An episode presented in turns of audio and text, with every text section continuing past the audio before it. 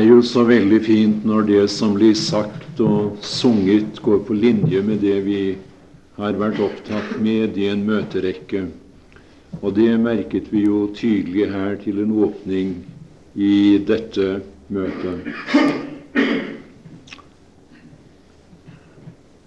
Vi har, eh, som allerede har vært nevnt, prøvd å se litt på hva Bibelen sier om Isak som et forbilde.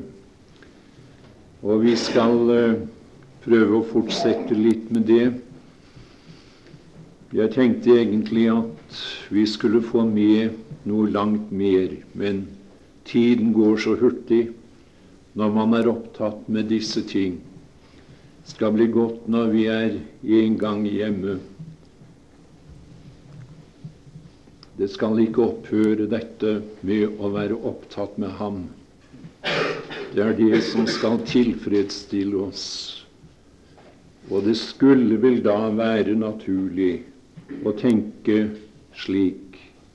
Det må være Ham det dreier seg om også under reisen, når vi vandrer her ved tro. Skal vi da lese litt fra Første Mosebok, det 24. kapittel. Det var det vi leste noen bruddstykker av i formiddag. Fra det 53. vers i Jesu navn.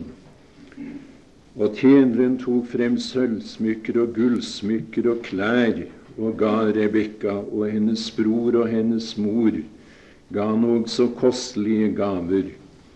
Så åt de og drakk han og de menn som var med ham, og de ble der om natten. Men da de sto opp om morgenen, sa han, La meg nu fare hjem til mitt, min Herre.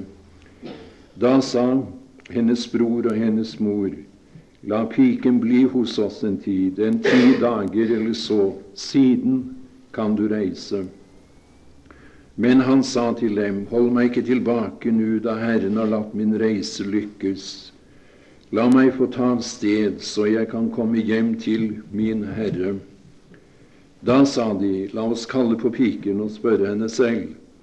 Så kalte de på Rebekka og sa til henne, Vil du reise med denne mann? Hun svarte, Ja, det vil jeg. Så lot de Rebekka, sin søster og hennes fostermor og Abrahams tjener og hans menn reise. Og de velsignet Rebekka og sa til henne, Vår søster bli til tusen ganger tusen, og måtte din ett ta dine fienders porter i eie. Og Rebekka og hennes piker gjorde seg ferdig, og de satte seg på kamelene og fulgte med mannen. Og tjeneren tok Rebekka med seg og dro av sted. Isak var nettopp kommet tilbake fra en vandring til brønnen Lakaroi, for han bodde i Sydlandet. Og Isak gikk ved aftenstid ut på marken for å ha en stille stund. Og da han så opp, fikk han se noen kameler som kom gående. Og da Rebekka så opp, fikk hun øye på Isak. Og hun skyndte seg og steg ned av kamelen. Og hun sa til tjeneren, Hvem er denne mann som kommer oss i møte på marken? Tjeneren svarte, Det er min Herre. Så tok hun sløret og tilhyllet seg. Og tjeneren fortalte Isak alt det han hadde gjort. Og Isak førte henne inn i sin mor Saras telt. Han tok Rebekka hjem, og hun ble hans hustru, og han hadde henne kjær. Så ble Isak trøstet i sorgen over sin mor. Amen.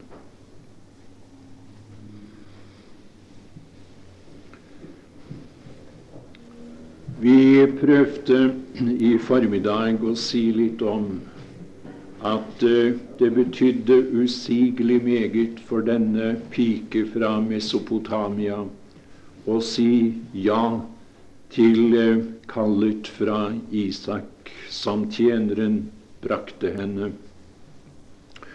Og vi, vi nevnte noen av de tingene som det betyr i overført mening for oss som hører den sanne Isak til, vi som er frelst i denne tidshusholdning, vi som fikk lytte til Åndens budskap, evangeliets klare ord en dag, og opplevde å bli født på ny, opplevde å bli forenet med den Herre Jesus. Det betydde for oss at alt som tilhører Kristus, det er vår eiendom. Det hører oss til. Så vi behøver ikke, som jeg nevnte i dag, å gå omkring og føle oss fattige, vi som hører Herren til. Vi er rike, vi er formuende godt folk. Og nå la meg nevne litt mer fra det 17. kapittel i Johannes evangelium. Og vi skal lese der noen, noen vers vi tar med fra det 22. Vi leste i formiddag det 19. vers spesielt. Nå hører vi fra det 22. til og med det 24. Og den eh, herlighet som du har gitt meg, den har jeg gitt dem, for at de skal være ett, like som vi er ett. Jeg i dem og du i meg, for at de skal være fullkommen til ett, så verden kan kjenne at du har utsendt meg og elsket dem like som du har elsket meg. Fader, jeg vil at hvor jeg er, der skal også de som du har gitt meg, være hos meg, for at de skal se min herlighet som du har gitt meg. Fordi du har elsket meg før verdens grunnvoll ble lagt. Her er det tale om dette som vi har betraktet som et forbilde fra Det gamle testamentet, nemlig at Isaks hjem og herlighet ble også Rebekkas hjem og herlighet. Og det er godt at vi er på reise til et sådant sted, et herlig sted, et sted som ingen i denne verden fullt ut kan beskrive. Hva det er som venter oss som hører Herren til, det forstår vi vel egentlig lite av, de fleste av oss. Eh, vi synger gjerne i en sang 'Når til ukjent land jeg går'. Og det var en benådet Herrens tjener som en gang sa det slik. Vi burde vel kanskje heller ha kunnet synge det sånn når til velkjent land jeg går. Vi burde være kjent med det landet. Vi burde være interessert i det som er der innenfor det revnede forheng i denne verden. Vi burde leve der, ånde i det som der er. Der er noen som jeg nevnte i formiddag, eller var det, var det en dag tidligere. Der er noen som lever på en spesiell måte i det himmelske, i den himmelske sfære. Og jeg skulle ønsket at disse betraktninger vi her har gjort, måtte bidra til at vi ble mer opptatt med det som er der oppe. Vi er så veldig interessert i det som foregår i denne verden, selv som troende, har jeg inntrykk av. Det er himmelen og det som der er, som burde oppta oss som er født ovenfra. Det er det som er vårt egentlige hjem. Er himmelen en tilstand som noen vil fortelle oss i dag? Jeg har hørt det igjen og igjen. Himmelen er ikke et sted. Himmelen er ikke noe konkret. Himmelen er kun en tilstand. Og det var en fremtredende person innenfor Kirken som for noen år siden lanserte dette. Det var en meget fikset idé han hadde fått. Han sa det slik Vi går ikke til himmelen. Vi kommer ikke til himmelen, men himmelen kommer til oss. Det er meget man skal høre, holdt jeg på å skulle si, før ørene faller av. Er himmelen et virkelig sted? Skriften sier det er et land, der er en stad, der er en have, der er et hus, der er et hjem som vi er på reise til. Bare les Hebreerbrevet. Jeg har ikke nå tid til å gå i detalj her, men bare les Hebreebrevets eh, ellevte kapittel. Og du vil finne det at Abraham han så frem til en virkelig stad som Gud var byggmester og skaper til. Og vi leser der om vårt himmelske fedreland. Og, og Paulus, denne Guds apostel, han sier 'jeg var rykket like inn i den tredje himmel'. Han kaller det paradis. Paradis, det betyr en lysthave, egentlig. For ham var den tredje himmel, herlighetshimmelen, like virkelig som lufthimmelen og stjernehimmelen er. Jo, der er et sted vi er på reise til det er noe egentlig, noe virkelig, vi går til, vi som hører Herren til. Det er i Guds tronhimmel Kristus befinner seg i dag. Og vi skal være hos ham. Vi skal være ham. Og jeg tenkte på det i ettermiddag, og jeg måtte takke Gud. Så ganske, ganske nær, mer nær tenkes kan, og det gjennom evigheters evighet. Jo, det var et herlig land, og det var et vidunderlig hjem. Rebekka var til, var på reise til, da hun fulgte tjeneren der. Hjem til Isak, som der vinket henne i møte. Rebekka sto i et trolovelsesforhold, sier Skriften til eh, Isak mens hun var på reisen. Og det merkelige i dette tilfellet er jo nettopp dette at hun sa ja til en brudgom som hun aldri hadde sett. Var det ikke det vi gjorde? Var det ikke det du gjorde den dagen du sa ja? Jeg vil reise med denne mannen, som vi hørte så fint her. Jo, det var det som skjedde. Du sa ja til en brudgom som du aldri i bokstavelig forstand hadde sett. Han som vi ikke har kjent og dog elsker. Ham som vi nå ikke ser og dog tror på.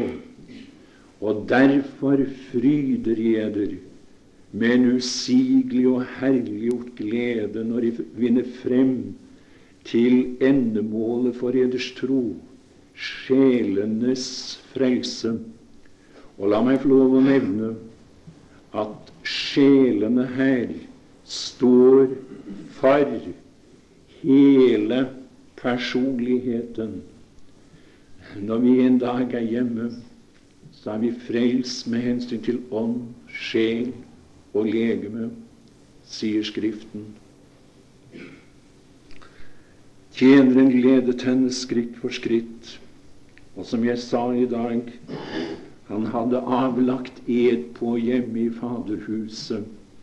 Jeg skal lede deg trygt frem, Rebekka. Der er mange som synger i dag, og det, det har jeg selv gjort lenge i mitt liv. Akk mon, det er der menneskene står. Det er der jeg finner de troende. for en stor del rundt om i vårt land i dag. Akmon. Akmon jeg når det skjønne land som snubler gang på gang. Må jeg få lov til, om det er noen her i aften som uh, nettopp er i den tilstand som troende, må jeg få lov å fortelle deg ganske enkelt det er ikke din sak, dette. Det er Den hellige ånds sak. Han har tatt på seg dette. Han har, det er et sterkt uttrykk, sverget på der i evigheten at han skal føre Kristi brud frem til Kristi dag. De skal møtes de to en dag. Det skal Den hellige ånd sørge for. Det var han som begynte. Det er han som skal fullføre. Og når vi en dag er hjemme, skal vi ikke diskutere den saken der. Nei, mine tilhørere, da blir det Kristus, da blir det ham, bare ham. Vi har å takke for at vi er kommet igjennom farer, fristelser, vanskeligheter, prøvelser og alt dette der som møtte oss. Han førte oss ved sin ånd gjennom det hele. Og jeg har grunn til å si takk i aften når jeg ser tilbake på mitt liv. Der var tider jeg måtte erkjenne det på nytt i dag. Det var tider at jeg selv som en Herrens tjener tenkte lite på andre sjelers frelse. Og jeg hadde heller ikke særlig omsorg for min egen sjels frelse. Men så møtte jeg ham igjen gjennom ordet. Og så så jeg det er én, bare én, som er mektig til å føre meg hjem. Du kan hvile i det. Skulle ønsket at noen ble brakt til hvile i disse møter. Det er det de troende trenger i vårt land i dag. Hvile. Hvile i ham.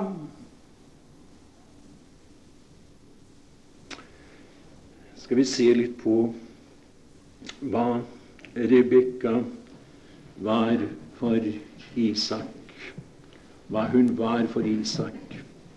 Skal vi forestille oss at vi får en privat konferanse med Isak mens tjeneren nå fører denne pike fra Mesopotamia hjem. Det var jo en, en, en ganske lang reise og det tok naturligvis på det tidspunkt ganske lang tid. Men så får du snakke med Isak, og så sier du til ham eh, Si meg, Isak, har du noe i denne verden som du skatter mer enn noe av det andre du eier? Er det noe som betyr mer for deg enn noe annet av det du eier i denne verden? Tror du hans tanker ville gå til landet, eh, til eh, eiendommen, den fruktbare jorden, disse prektige fjellene som jeg nevnte i dag, eh, til Saras telt eller noe av det? Jeg er overbevist om at Isak ville si ja, det er noe som betyr mer for meg enn noe annet. Det er en pike i Mesopotamia som har sagt ja. Da tjeneren brakte hilsenen fra faderhuset, fra Abraham, fra, fra min far og meg, da sa hun ja. Jeg vil reise med denne mannen. Det er denne, det er denne min vordende hustru som betyr mer for meg enn noe annet. Jeg ser noe i henne som ingen andre ser. Og Nå skal vi se litt på hva vi betyr, vi som tilhører denne skare. Denne store skare som blir vunnet for Kristus fra pinsefestens dag og inntil vi møter Ham i lufthimmelen. hva vi betyr for ham. Nå skal du ikke lytte til hva verden mener. Nå skal du ikke lytte til hva den bekjennende kristenhet sier om deg. Nå er det ikke et spørsmål om hvordan du selv vurderer deg, men la Herren få fortelle deg i aften hva Kristus mener om deg. Ikke som du er ifølge din gamle natur, men som du er i kraft av Hans forløsningsverk. Og da skal vi lese, og vi henvender oss til Efesebrevets uh, første kapittel. I Efesbrevets første kapittel, og vi skal lese der mm, i det Ja, vi kan lese bare vers 18. Apostelen ber her for de troende i Efesus og sier han ønsker å gi eders hjerte opplyste øyne, så I kan forstå hvilket håp det er Han har kalt dere til, og hvor rik på herlighet Hans arv. Jeg har rammet inn de to ordene hans arv er iblant de hellige. Tre ganger i dette kapittelet leser vi om arv. Det er i vers 11. Vil du se på det? Der heter det 'Han i hvem vi også har fått arvelodd'. I det 14. der står det 'Han som er pante på vår arv'. Her er det tale om vår arv. Men i det 18. vers, der sies det hvor rik på herlighet hans arv. Hans arv. Det er bare så beklagelig at etter hvert som man reviderer Bibelen, så, så blir, blir den egentlige tanke forringet. Og den eh, blir ofte omskrevet direkte. I den nye oversettelsen har de fått inn her, dessverre, ikke hans arv, men vår arv. Nå er ikke jeg den riktige til, den rette til å uttale meg om, om språket, men jeg kan vise til eksperter i gresk som påstår det er helt klart, både av konteksten og av, av, av dette som står her i selve verset, altså det 18. i Efesbrevet 1. Her er det ikke tale om, om vår arv, men hans arv. Hva er hans arv? Det er de hellige. Det er de frelste. Det er den sanne Rebekka. Det er henne som er på reise nå gjennom denne verdens ørken. Det, det er henne han ser en glans i, en herlighet i. Og vi skal også ta med Rebekka var iført de vakreste klær. Hun bar de mest kostbare smykker på reisen. Så hun kunne sitte der på kamelen og være seg bevisst jeg er sånn som Isak ønsker jeg skal være. Antrekket er i orden. Det er ulastelig. Jeg har fått smykkene fra min vordende eh, brudgom. Og Efesebrevet det grep meg på nytt i dag da jeg leste dette verset i det første kapittel og tolvte vers. Han som gjorde oss skikket.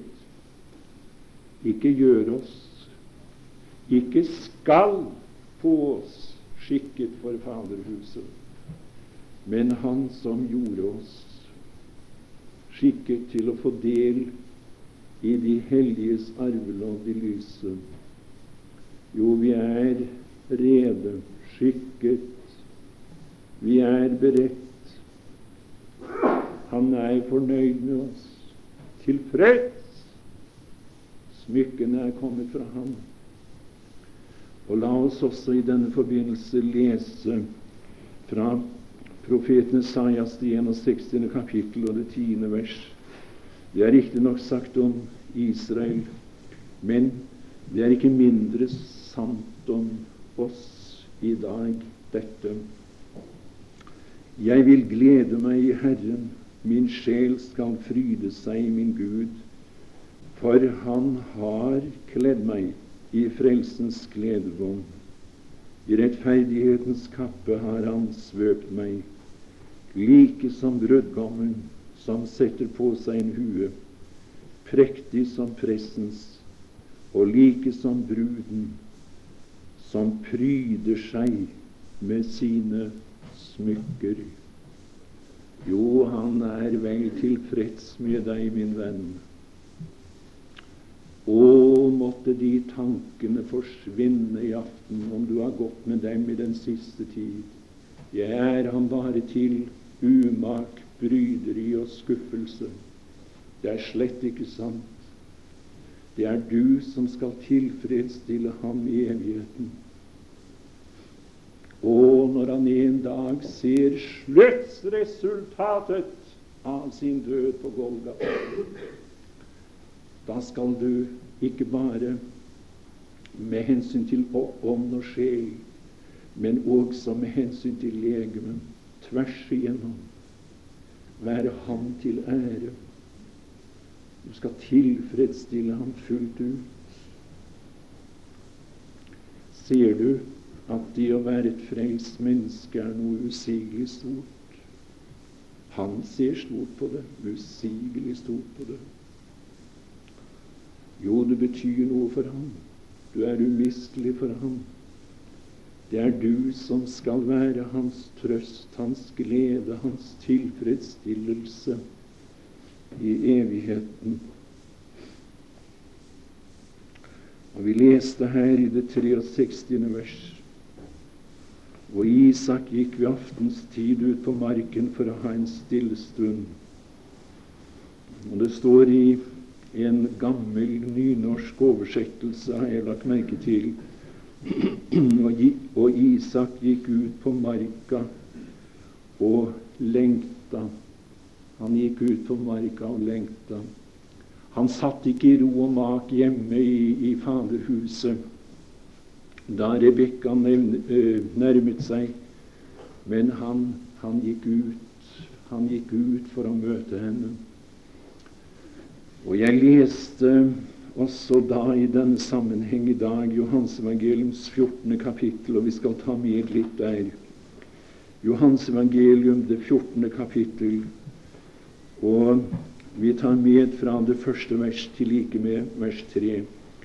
Eders hjerte forferdes ikke, tro på Gud og tro på meg. I min Faders hus er det mange rom. Var det ikke så da de har sagt eder det? For jeg går bort for å berede eder sted. Her er tale om det hus jeg nevnte, et virkelig hus, et virkelig hjem. Og i dette hjemmet er det flere værelser, fortelles det her. Og jeg har inntrykk av at mange tenker sånn når de leser dette verset. I min Faders hus er det mange rom. Det skal være et rom for hver enkelt trone. Legg merke til hva Herren sier. Jeg går bort for å berede eder sted. Og Da må det være innlysende at da han uttalte disse ordene, var det ikke noe beredt sted. Stedet var ikke beredt. Da han sa dette i sin avskjedstale til sine disipler Høyda. I den gamle pakts tid var himmelen lukket. Det talte disse kjerubene som svinget det luende sverd, voktet veien til livsens tre om. som du leser om i Første Mosebok, det tredje kapittel. Det taler, taler dette forheng om. Du må ikke forestille deg en gardin, men et, eh, et forheng som var fire tommer tykt, ca. en håndsbredd tykt. Det som skilte det hellige fra det aller helligste i tabernakelet, i tempelet. Og Bibelen forteller meg at da den Herre Jesus eh, utåndet på Golgata, sier uh, Matteus evangelium 27 kan lese der 51 og 52 og utover. Og Der heter det bl.a.: Og forhenget revnet i to stykker fra øverst til nederst. Himmelen er åpen. Du kan gå rett inn i hans nærhet i aften om du er her som en uomvendt, på grunnlag av at han døde for deg. Forhenget som er hans kø, det er revnet i to stykker. Det skjedde på Golgata. Veien er åpen, stedet er beredt. Han holder ikke på å berede det i dag. Nei, det er vi rett. Jeg sa det i dag. Det går rett hjem om vi må gå gjennom døden. Med ånd og sjel går det direkte hjem til Herren. Borte fra legemet, hjemme hos Herren. Det er det som er så fint. Så den du tenker på nå, som du savner, som en gang var iblant oss her, Kanskje den som sto deg nærmest i livet. Hun er hjemme. Han er i Kristi nærhet. Å ja, det er, det, er, det er, godt å vite. Det er så mange som dør plutselig, har jeg lagt merke til i dag. Jeg hører det rett som det er. Fikk nettopp et budskap forleden dag. En som lyttet til, meg, til, til det jeg brakte i Indre Arna for bare noen uker siden. Hun var så begeistret fordi hun hadde fått se ham gjennom møtene. Og det ga hun uttrykk for. Så fikk jeg akkurat nå høre Det var siste gang hun hørte budskap om ham før hun gikk hjem. Jo, det kan, det kan så snart skje. Jeg vet ikke. Heller ikke du vet det. Godt å vite. Det går rett hjem. Det er åpent! Unnskyld at jeg bruker så sterk røst, men det ligger meg så på hjertet å fortelle dere ut fra Guds ord. Det er beredt. Det er beredt. Det er ikke det han bestiller ved tronen i dag. Nei da. Forhenget er revnet. Jo, det var Gud som virket der. To par okser måtte til for å rive det i stykker, sier rabbinerne. Det var ganske kraftige saker. Men det revnet. Det er åpent.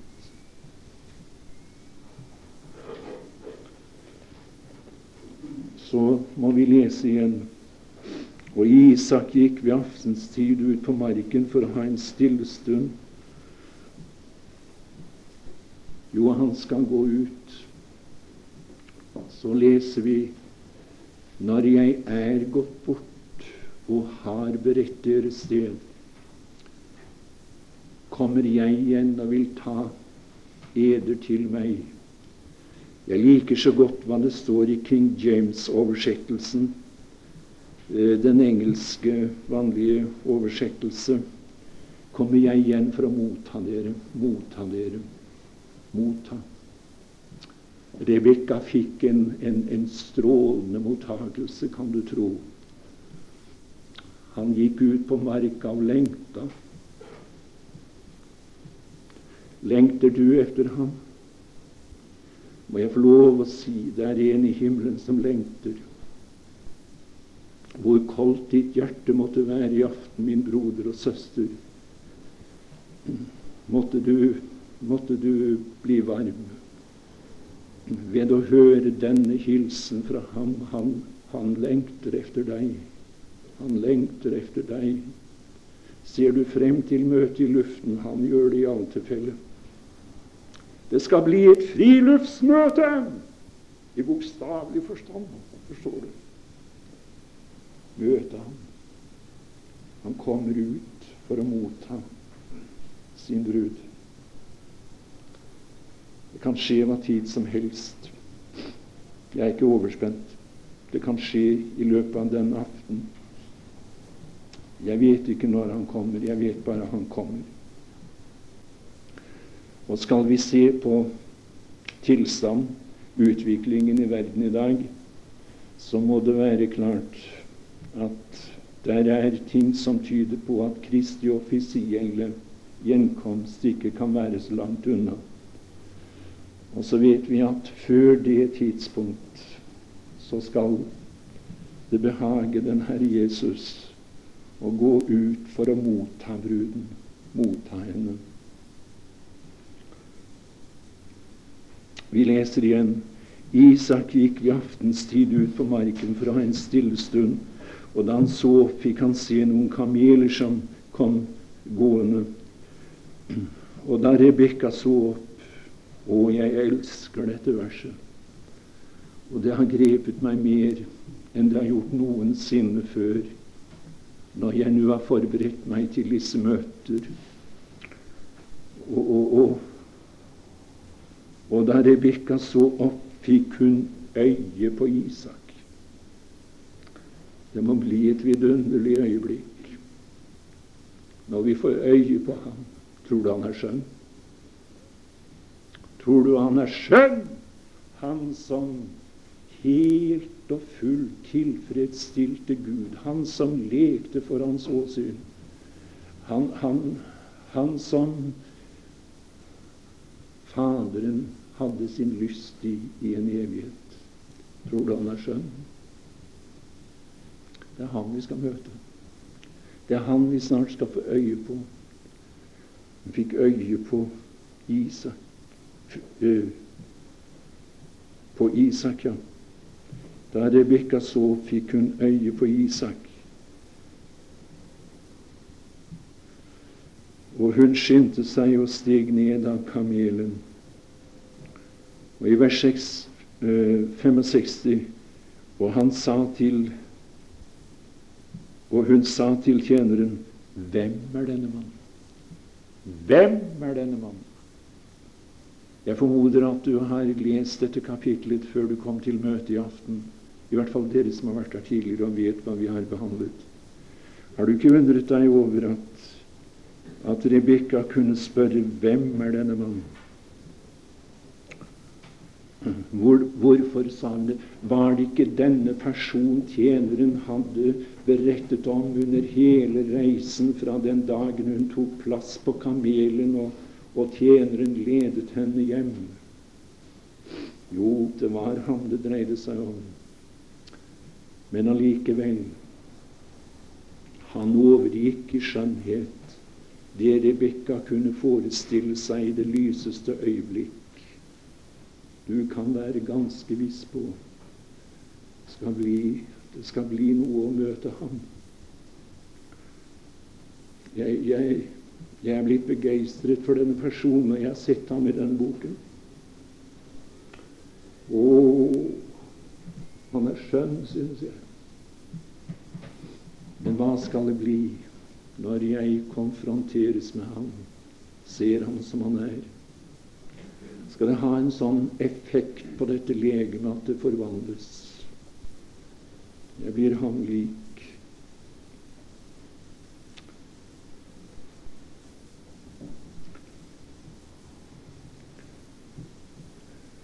Så tok hun sløret og tilhyllet seg. Første Korinterbrevs 11. kapittel vers 10 forteller meg at sløret det er et undergivenhetstegn. Et undergivenhetstegn. Merk deg det.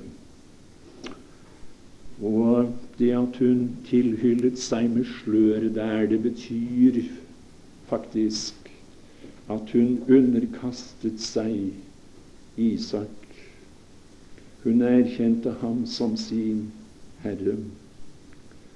Og jeg er ganske sikker på, for å bruke bildet nå Det er jo bilder, dette, naturligvis. Men jeg er sikker på at når vi får øye på vår sanne Isak i luften, da må sløret frem. Da skal vi erkjenne fullt ut Han er vår Herre. Og vi ser ham. Og så ble Isak trøstet i sorgen over sin mor. Hva han ikke fikk gjennom sin mor, Sara, fikk han gjennom sin hustru Rebekka. Og hva den Herre Jesus ikke fikk gjennom sitt jordiske folk i Israel, det har han fått, og det skal han få når vi er hjemme, gjennom sin hustru, menigheten.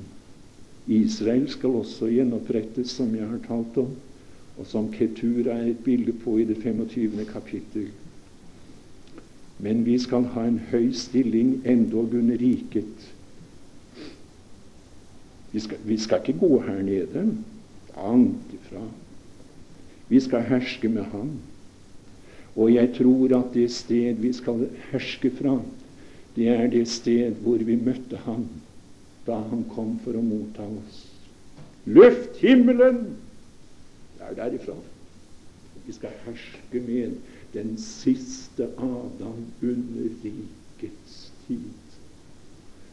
Da skal det bli attråverdig, om ikke før, å være på Herrens side. Jeg skulle ønsket at det kunne være noen som kjente en dragelse til Kristus i aften. At det var noen her som kunne si ja, jeg vil reise med denne mannen. Jeg ser for meg en pike. Tenkte på det i dag. En pike i en vekkelse, i en stor vekkelse. På det stedet var det neppe et hjem som ikke var berørt av Guds ånd den gangen. Jeg husker at disse unge menn de kom frem. De kom uh, rett og slett sjanglende frem. Og så falt de på kne. Det var Guds ånd som virket. Det var evangeliet som hadde, hadde nådd inn til hjertene. Å, om vi kunne få oppleve det på nytt. Så lenge Herren ikke er kommet, så tror jeg ikke vi skal resignere, godt folk. Det kan skje det kan begynne her og nå. Det kan det. Gud gi at det var noen. Men denne pike, hun bøyde seg for Herren. Om hun ble frelst, vet jeg ikke. Men hun bøyde seg i hvert fall den aften da vi hadde lest Guds ord for henne. Og da hun kom hjem, så var det allerede blitt kjent i hennes hjem at hun hadde bøyet kne på bedehuset. Og da møtte far henne i døren. Det er rent utenkelig, ufattelig, men det skjedde. Og, og, og, da knyttet han neven mot sin, sin unge datter, 16-17 år gammel var hun vel. Og så sa han hvis vi hører det, din mor og jeg, en gang til, at du har bøyet kne der borte sammen med disse leser, leserne Han brukte et noe sterkere uttrykk. Så er dørene her lukket for deg, så kan du velge. Jeg så denne pike på et møte senere i den vekkelsen. Hun sto bak brantmuren oppe på galleriet der og bare tittet frem synlig nervøs for at noen skulle se henne og rapportere til hennes hjem. Ja, jeg håper det. Jeg håper det at det ikke er, er sånn med noen av dere som er her i aften, at far og mor vil hindre deg. Da sa hennes bror og hennes mor, la piken bli hos oss en tid en ti dager eller så. Siden kan du reise. Ja, det er djevelens taktikk. Det har alltid vært det. Bare, bare ikke nå, men siden. Og kom på dine kne. Slå følge med oss på veien. Si ja til den Herre Jesus. Aksepter Hans verk for deg. Vi sang i gamle dager Kom som du er til din frelser, smittet av vantroens din, Blodet som fløt fra hans munn, renser din sjel fra all synd. Det er det som skjer. Du blir kvitt din synd. Fullstendig kvitt din synd. Når det gjelder ditt forhold til Gud, altså. Vel å merke. Det er det han vil i aften. Han vil tilgi. ham. han vil forlate deg alt. Han vil glemme det hele. Det er guddommelig å glemme, er det en som har sagt. Og Bibelen sier han glemmer min synd der ved Golgatas kors. Han glemmer min synd, men erindrer meg. Hvordan det er her, som jeg har talt om. Men det er ikke der. Fjernet i kraft av Kristi blod. Er det noen som er blitt ledet hit,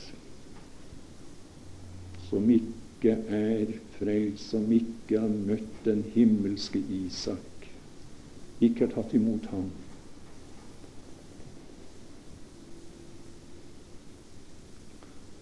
Vi ser efter deg når dette møtet er oppløst.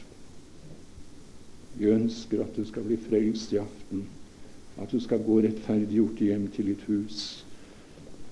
Og vår Gud og Fader, du har hørt hva vi også nå har prøvd å si om din elskede sønn. Han betyr langt mer for oss i vårt liv, i vår erfaring, i vårt erkjennelsesliv, enn vi kan tolke med ord. Det kan ei forklares, det kan blott erfares hvor salig det er hos Jesus. Å, min Gud, jeg ber deg, tal til noen så sterkt som måtte være her i sin uomvendte tilstand, at de må gi seg til deg for alltid fra i aften. Velsign møtet fortsatt. Velsign sangen.